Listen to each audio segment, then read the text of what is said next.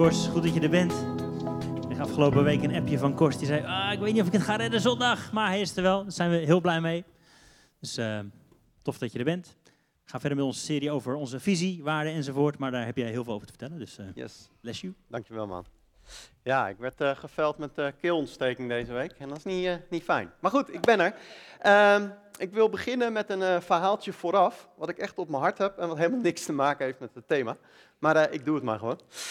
Um, een paar jaar geleden zat ik in een conferentie. En er was een spreker. En die had een preek. En het ging ongeveer over van, joh, God wil geen dat je regels volgt. Hij wil dat je relatie met hem hebt. Het gaat niet om religie aan buitenkant dingen, maar het gaat om relatie met Hem. En zo, je kent die preken misschien wel, zo had die man een preek, het gaat om relatie. Het gaat om relatie, relatie. En op een gegeven moment dacht ik, ja dat is, dat is heel mooi en dat is heel goed, maar eigenlijk, eigenlijk wil ik dat helemaal niet. Eigenlijk wil ik dat helemaal niet. Want ik ben niet zozeer op zoek naar relatie met God, ik ben op zoek naar iets diepers. Ik wil vriendschap. Vriendschap met God. Want ik heb relatie met, ik heb goede relaties met verschillende mensen. Met mijn buren, met een aantal collega's, met, ja, zo hebben jullie dat ook. Relaties, misschien met een, uh, met een zwager of een neef of, of iemand anders. Dat je zegt, ja, daar heb ik een goede relatie mee. Maar dat is, is echt iets anders dan vriendschap. Want een vriend is zo intiem. Daar deel je je geheimen mee. Daar sta je altijd voor klaar. En vriendschap, ja, daar, dan, dan, dan, die, die vertrouw je ook. Die vertrouw je ook. En daar durf je, eh, weet ik veel, dingen te lenen. Kwetsbaar te zijn, open te zijn. En ik denk zelf dat God niet op zich in eerste instantie op zoek is naar relatie, maar een stapje verder. Hij zoekt naar vriendschap. Hij wil niet een gemeente met mensen die alleen relatie zeg maar, met hem hebben. Dat is een mooie eerste stap. Maar die tweede stap, echte vriendschap. Vriendschap met God. En uh, dat, dat had ik deze week in mijn voorbereiding van, hé, hey, wat God zoekt boven alles waar we mee bezig zijn met visie en missie en strategie. God is in jou geïnteresseerd om vriendschap te hebben. En velen van jullie hebben vriendschap met God. En dat is fantastisch. En moedig elkaar aan, enthousiasmeer elkaar om te verdiepen. Die, die vriendschap met God. Wat veel verder gaat dan alleen uh, een, een, een, oppervlakkige relatie. Oké, dat is vooraf. Um, uh, Oscar, onze voorganger, die sprak een paar weken geleden over de visie. Vond ik mooi, de voorganger over de visie. Toen sprak Marcel, onze missionaris, oh, natuurlijk over de missie. En toen sprak ik, Kors, over cultuur. En vandaag, meneer Van Westen, dezelfde persoon, over de waarden, om te onthouden. We hebben het over de waarden van de kerk. Maar ik wil beginnen eerst van groot naar klein. In Efeze 3, vers 10 staat echt een fantastische tekst. Ik lees hem voor. Door de kerk moet nu de wijsheid van God in al haar vormen worden bekendgemaakt aan de boven, bovenaardse vorsten en machthebbers. De kerk van Ede bestaat eigenlijk uit 50, 60 afdelingen. Het is één gemeente. Het is veel meer dan een sociaal gebeuren. Het is een geestelijke uh, identiteit. We hebben een geestelijke instrument in de handen van God. En de kerk van Ede is heel veelkleurig, heel wisselend, heel veelzijdig. Maar daarboven staat Jezus, de koning der koningen en hij is de leidsman van de kerk. En hij houdt van de kerk van Ede en heeft een plan met de kerk van Ede. En Connect Kerk is daar een onderdeel van. Ik weet niet of we de teen of de knie of het oor zijn, maar we zijn een onderdeel van een lichaam. En dat is goed om te weten. Als het met andere kerken goed gaat in Ede, fantastisch. En wij hebben een klein instrumentje van dat grote geheel. En dan komen we op de volgende tekst, Efeze 2 vers 10. Want wij zijn want zijn maaksel zijn wij in Christus Jezus geschapen om goede werken te doen die God tevoren bereid heeft, opdat wij daarin zouden wandelen. Elke kerk heeft, als het goed is, een roeping van God gekregen. Niet zelf bedacht, maar van God gekregen. Een erfdeel, een bestemming, een roeping. Zo ook wij. En afgelopen half jaar hebben we met het leiderschapsteam op, opnieuw gezocht van Heer, wat wil u? Willen niet in een sleur komen en doen wat we altijd doen. Heer, wat is de blauwdruk en meebewegen met u? Willen u volgen? En we hebben echt daarin opnieuw bevestigd gekregen wat we al eerder hebben gehad. We gaan wat dat betreft ook niet iets nieuws doen. We zijn niet nieuwe dingen afgelopen week aan het neerleggen, maar wel aan het scherpen, aan het duidelijker maken. Dit is wie we zijn en hier willen we voor gaan. Onze visie, ik herhaal hem nog maar een keer. We willen mensen winnen discipelen maken en communities transformeren. De missie, mensen toerusten om een levende relatie met God te hebben. En onze cultuur, vorige week op de fantastische Connect Camp, mocht ik het daarover hebben. Wat zien we dan als onze cultuur? Nou, een groep mensen met passievolle priesters. Een groep die functioneren in een krachtig koninkrijk. We zijn groeiende heiligen met elkaar. We zijn een veelkleurig kerk die veelkleurig bezig is met verkondiging, naar buiten gericht. En we zijn betrokken volk op elkaar, binnen, boven en buiten. En dit is een herhaling. En ook door coronatijd eh, eh, is het misschien niet altijd even duidelijk geworden, maar dit is wie we zijn en waar we voor gaan. En het is denk ik heel belangrijk om te weten, als je toegewijd bent, en velen van jullie zijn betrokken bij Connect Kerk, zijn we heel blij mee, geven mee, bidden mee, dienen mee. Fantastisch dat we samen Connect mogen zijn. En ik vergelijk de kerk wel eens met een, met een restaurant. Als je naar een restaurant gaat, en ik weet niet of jullie uh, daarvan houden, en je, ziet een, en je gaat naar een Italiaans restaurant. Je ziet een bord Italia en... Uh, ja, ja, precies. En Italiaanse vlaggen en je stapt er binnen. Nou, dan komt iemand weer wat drinken en je, je, neemt al wat drinken. Nou, hup, hup. En je krijgt een menukaart. En wat zie je op die menukaart? Je ziet alleen maar, hey, boerenkool. Denk je? En je slaat hem om en je ziet bami en nasi. En dan denk je, hè, dat, dat, dat is een beetje raar. Dat is een Italiaans restaurant. Je wil spaghetti, lasagne, weet ik het allemaal, wat je wil hebben. Weet je, en als Connect Kerk wil heel duidelijk zijn. Er zijn bepaalde dingen die we absoluut wel doen. Er zijn bepaalde dingen die we absoluut niet doen en die andere kerken wel doen en misschien veel beter ook. En wij, ik wil jullie niet zeggen dat we een Italiaans restaurant zijn, maar dat is belangrijk. En als je het niet weet, vraag het aan je Connect groepleiders of wat leidschapsteam van, hey, wat is nou Connect Kerk? Waar staan we voor? Waar gaan we voor? Kom nog een keer naar Next Steps om het opnieuw duidelijk te krijgen. Die vooruit, wat Oscar zei, opnieuw schoonmaken. En als we het hebben over de visie, de missie en de strategie, dan hou ik ervan om het, om het heel concreet te maken. En ik wil jullie meenemen naar een soort verzonnen verhaaltje van mij.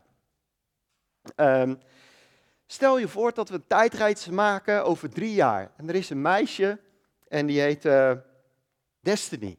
En Destiny zit ongeveer een half jaar bij ons in de kerk. En ik vraag haar op het podium te komen omdat ik haar wat vragen wil stellen. En, en ik vraag aan Destiny over drie jaar van, hey Destiny, je zit nu in een, sinds een half jaartje bij ons in de gemeente en vertel eens je verhaal, vertel eens je achtergrond.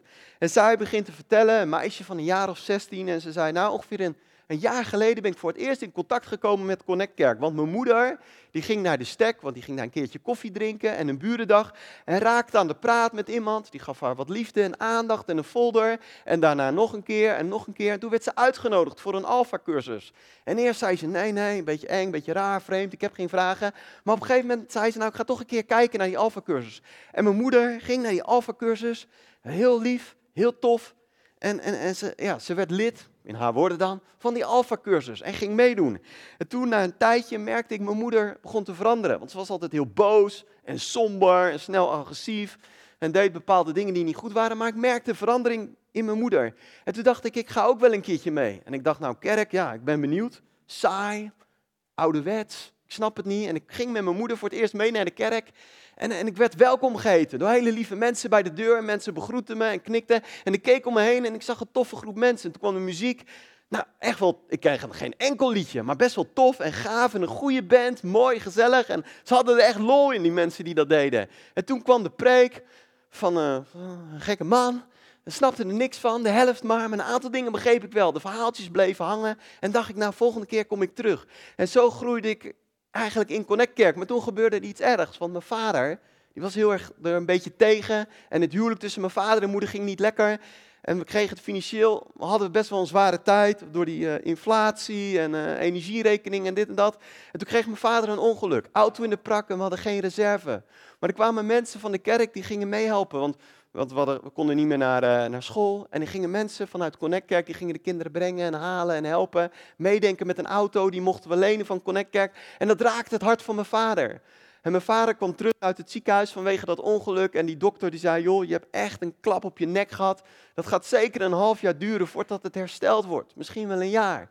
En toen kwamen er wat mensen van Connect Kerk en die zeiden van, mogen we voor je bidden? En mijn vader dacht, nou baat het niet, dan schaadt het niet. Weet je, probeer het maar.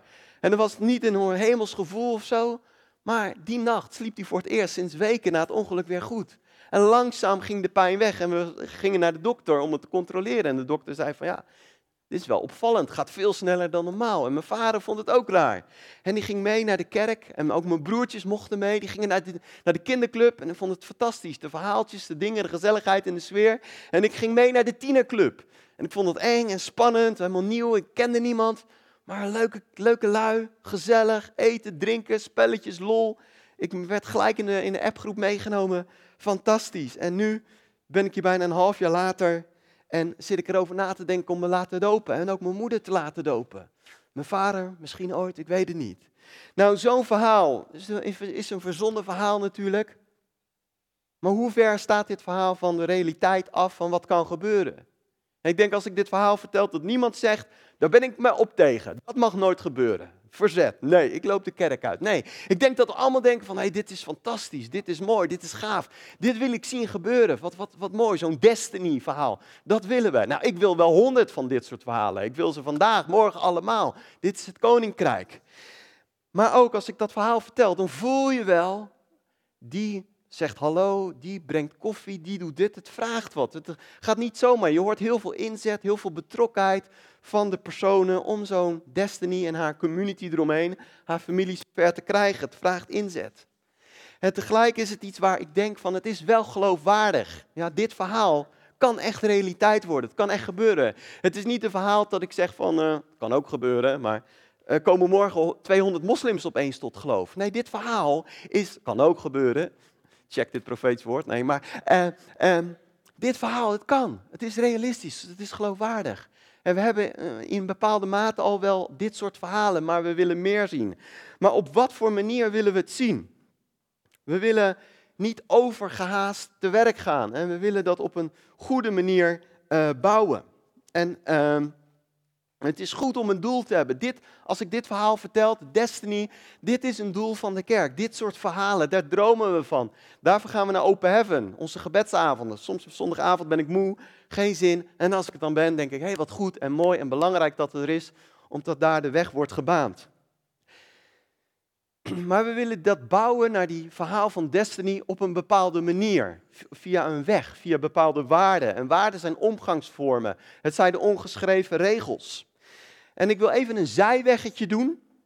En uh, het eerste plaatje mag uh, opkomen. Een fantastisch uh, beamerteam daarboven. Wie herkent deze man? Roep maar even. Helemaal achterin, Maarten? Armstrong, 100 punten voor Maarten, jongens. Applaus voor Maarten.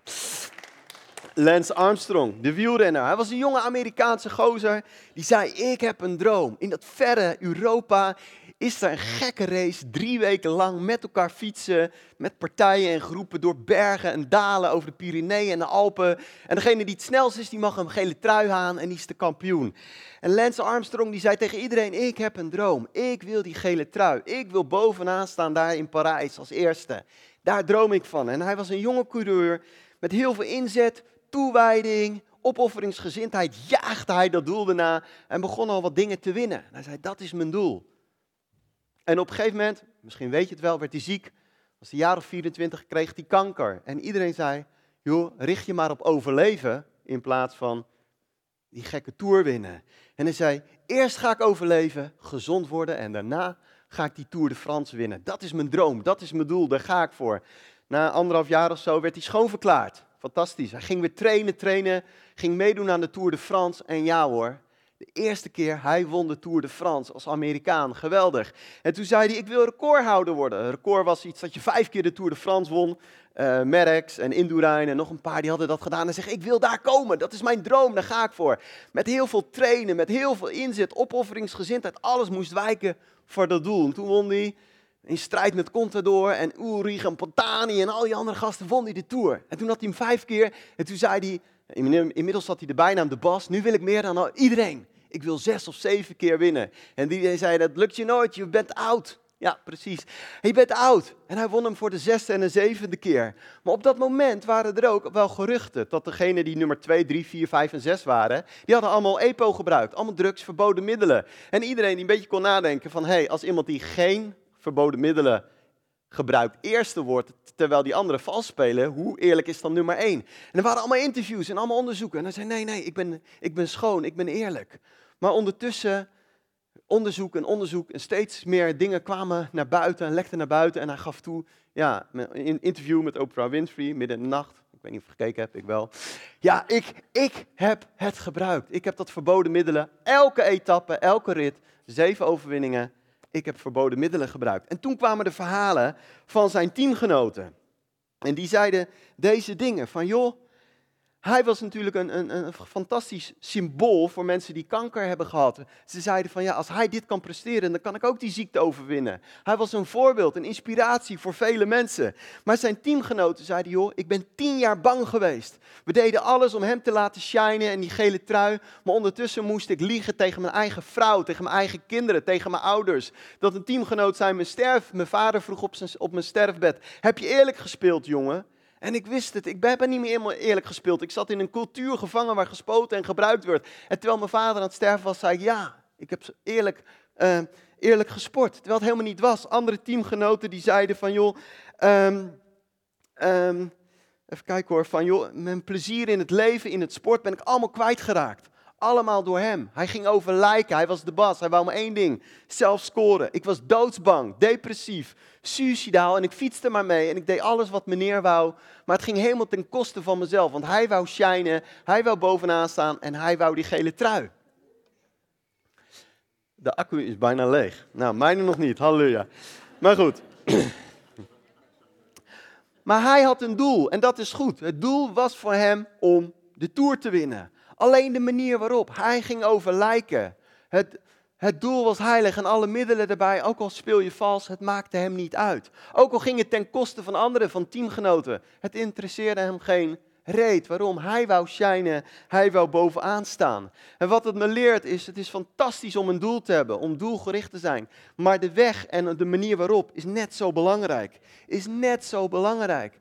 Nu, alles is afgepakt. Hij heeft helemaal niks meer. Als je Wikipedia leest, Armstrong, dan staat er de man die zogenaamd zeven keer de Tour won, maar alles is afgepakt. Hij heeft helemaal niks meer. Terwijl hij net zo hard trainde, weet je. Dus de weg ernaartoe is heel belangrijk. En wij willen bouwen aan een gemeente op een bepaalde manier. Via bepaalde waarden, via afspraken, via richtlijnen, via bepaalde manieren. We hebben vijf waarden die we ontzettend uh, belangrijk vinden als de accu het weer doet. En we preken daar ongeveer twee keer Um, nee, om de twee, drie jaar preken we over deze waarden. Er staan echt geweldige preken op onze internetsite. Heb je ze niet geluisterd? Heartbeat, serie van, um, van twee jaar geleden. Luister die nog eens een keertje als je aan het fietsen of in de auto bent. Fantastische serie waar we echt week na week het hebben over onze waarden. En ik heb het heel kort. De eerste is honor.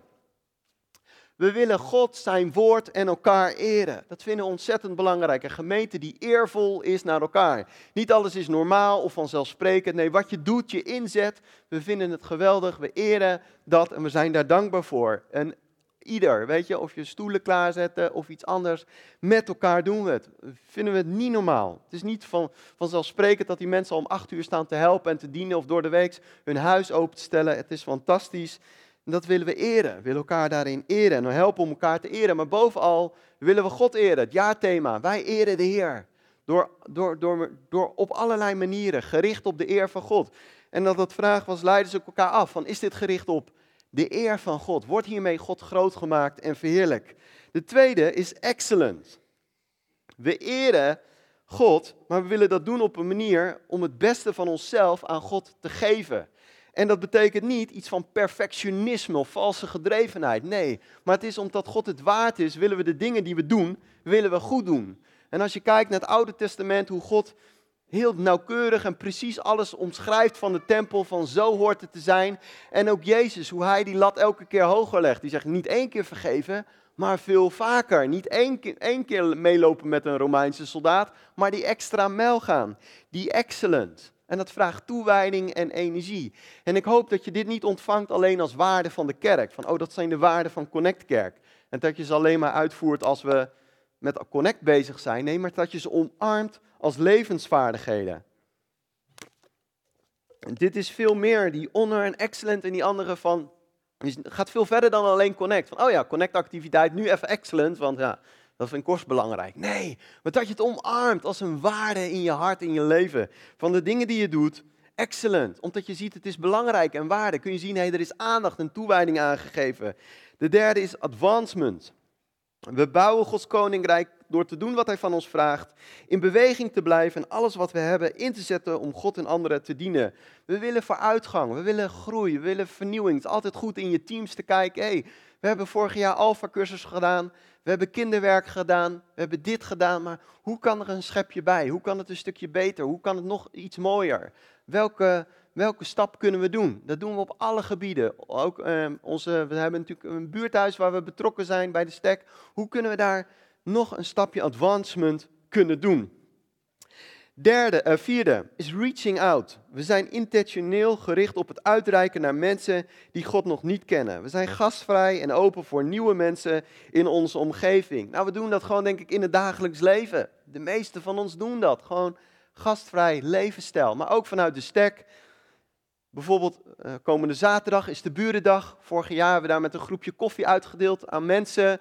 En een van de dingen die ik heel tof vond, er was een, oudere vrouw die kwam op me af en ik had koffie. Ik zeg, hé hey, mevrouw, wilt u koffie? Leuk om u te zien. En die mevrouw begon te huilen. Wat, doe, wat zeg ik nou verkeerd? Was zo geraakt door liefde. Oh, wat, wat, wat, warm, wat leuk. Nou, we hebben bij de stek deze week voor het eerst was hartstikke leuk spelletjesavond. Uh, er waren er twee van onze gemeente om, om op die manier op een hele leuke manier in contact te komen met anderen spelletjesavond van Stek, staat op de website, komt alle. Reaching out, maar ook op andere manieren. Wil een gemeente zijn om uit te reiken. Maar ook hier heel praktisch, als je hier heel vaak al komt, ga niet alleen met je beste vrienden praten, dat kan ook door de week, maar nieuwe mensen, spreek ze aan, ontmoet ze. Reaching out, een enorm belangrijke waarde. Dan de laatste waarde, en dat is de waarde van togetherness. En dan ga ik nog naar een Bijbeltekst. Togetherness, we leven als community. Nou, ik heb vorige week enorm genoten van Connect Camp. De getuigenissen, de verhalen, de openheid, de kwetsbaarheid. En dat is denk ik van, dit is, dit is wie we willen zijn. Dit is wie we willen zijn. Een gemeente die um, uh, naar elkaar omziet. De band is er al, maar ik heb nog één Bijbeltekst, die wil ik nog lezen. Met nog veel andere woorden, Handelingen 2, vers 40, vers 46. En onthoud die vijf begrippen van hart, de hartslag van onze gemeente. En, en, lees met mij mee deze Bijbeltekst en zie hoe ze in de eerste gemeente ook terugkwamen. Met nog veel andere woorden legt hij een getuigenis af. Reaching out. En hij deed een dringende oproep. Laat u redden uit deze verdorven wereld. Dat is ook een veelkleurige verkondiging. Ja? Zij die zijn woorden aanvaarden, lieten zich dopen. Nou, dat heeft te maken met advancement, met honor. En die dag sloten ongeveer 3000 mensen bij hen aan. Nou, dat is wel uh, advancement, hè? Dat is uh, reaching out. En zij hielden vast aan de leer van de apostelen. De gemeenschap met elkaar, met elkaar. Dat is honor, dat is togetherness. Het breken van het brood en het zeggen van de gebeden. Heeft alles weer te maken met het eren van God en togetherness. En de apostelen deden vele indrukwekkende wonderen. Nou, dat is excellent, hè? En dat is advancement, dat is reaching out. Want iedereen met ontzag vervulde. Honor voor God. Iedereen had ontzag. Kijk eens wat onze God doet en kan. Fantastisch. En alle die geloofden, vormden een gemeenschap en deelden alles samen. Togetherness. Togetherness. En ze verkochten hun haven en goed en het geld werd uitgedeeld wat een vorm van togetherness. Dat de zwakste, de armste, dat die gezien en geëerd werden. Honor. En iedereen kreeg zoveel als hij nodig had. Nou, weer honor, togetherness. Trouw waren ze ook iedere dag in de tempel. Eensgezind. En ze braken het brood bij elkaar aan huis. Eigenlijk een connectgroep, hè? Mooi. Je had de grote gemeente met elkaar. En ze braken het huis bij elkaar thuis. Connectgroep. Gebruikte de maaltijd met vreugde en eenvoud van hart. En dat eenvoud van hart en vreugde spreekt ook iets van excellent. Excellent is niet alleen dat de snoertjes en de kabeltjes goed liggen, liggen maar ook excellent van karakter. Er was eenvoud van hart, er was vreugde. Zo'n gemeente willen we zijn. In die eerste gemeente, ik lees de brief van Korinthe maar, het was niet perfect, er gebeurden gekke dingen en misstanden. Maar dit vind ik zo mooi, dit vind ik zo mooi. De hartslag van God in de eerste gemeente.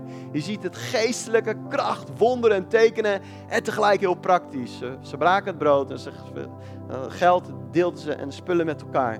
En zo gemeente, in een bepaalde mate zijn we al zo. ja, in bepaalde mate, we zien een, soms wonderen. Er is togetherness, er is omzien.